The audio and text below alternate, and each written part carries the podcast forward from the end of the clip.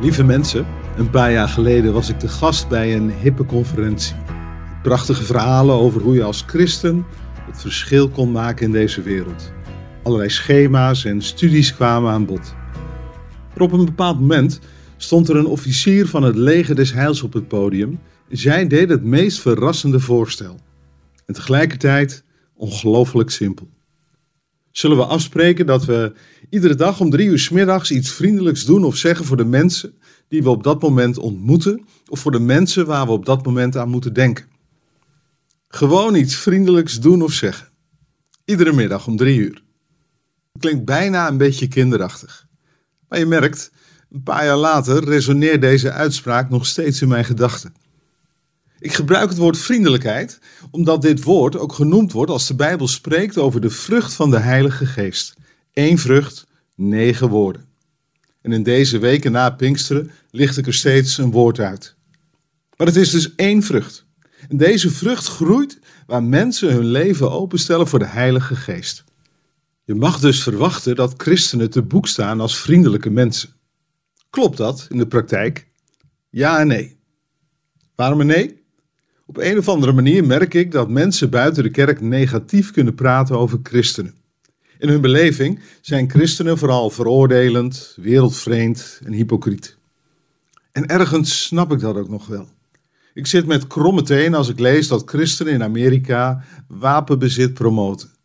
Of als ik hoor dat vroeger de slavenhandel door de kerken gelegitimeerd werd. En waarom een ja?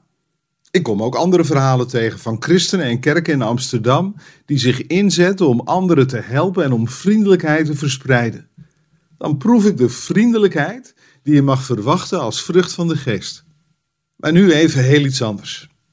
Ik kan al wel positief doen over vriendelijkheid, maar er is ook een hele andere beweging in onze maatschappij. We benadrukken enorm dat je moet opkomen voor jezelf.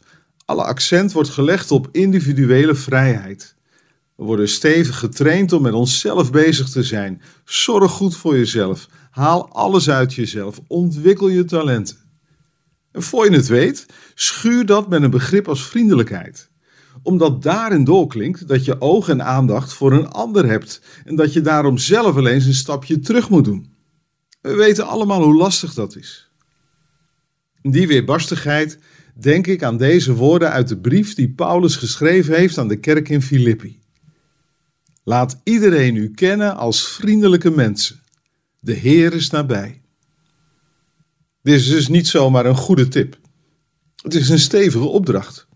Zonder vriendelijkheid klinkt het evangelie hol en leeg.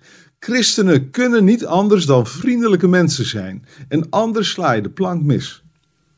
Voel dat als een zware opdracht, te zwaar zelfs?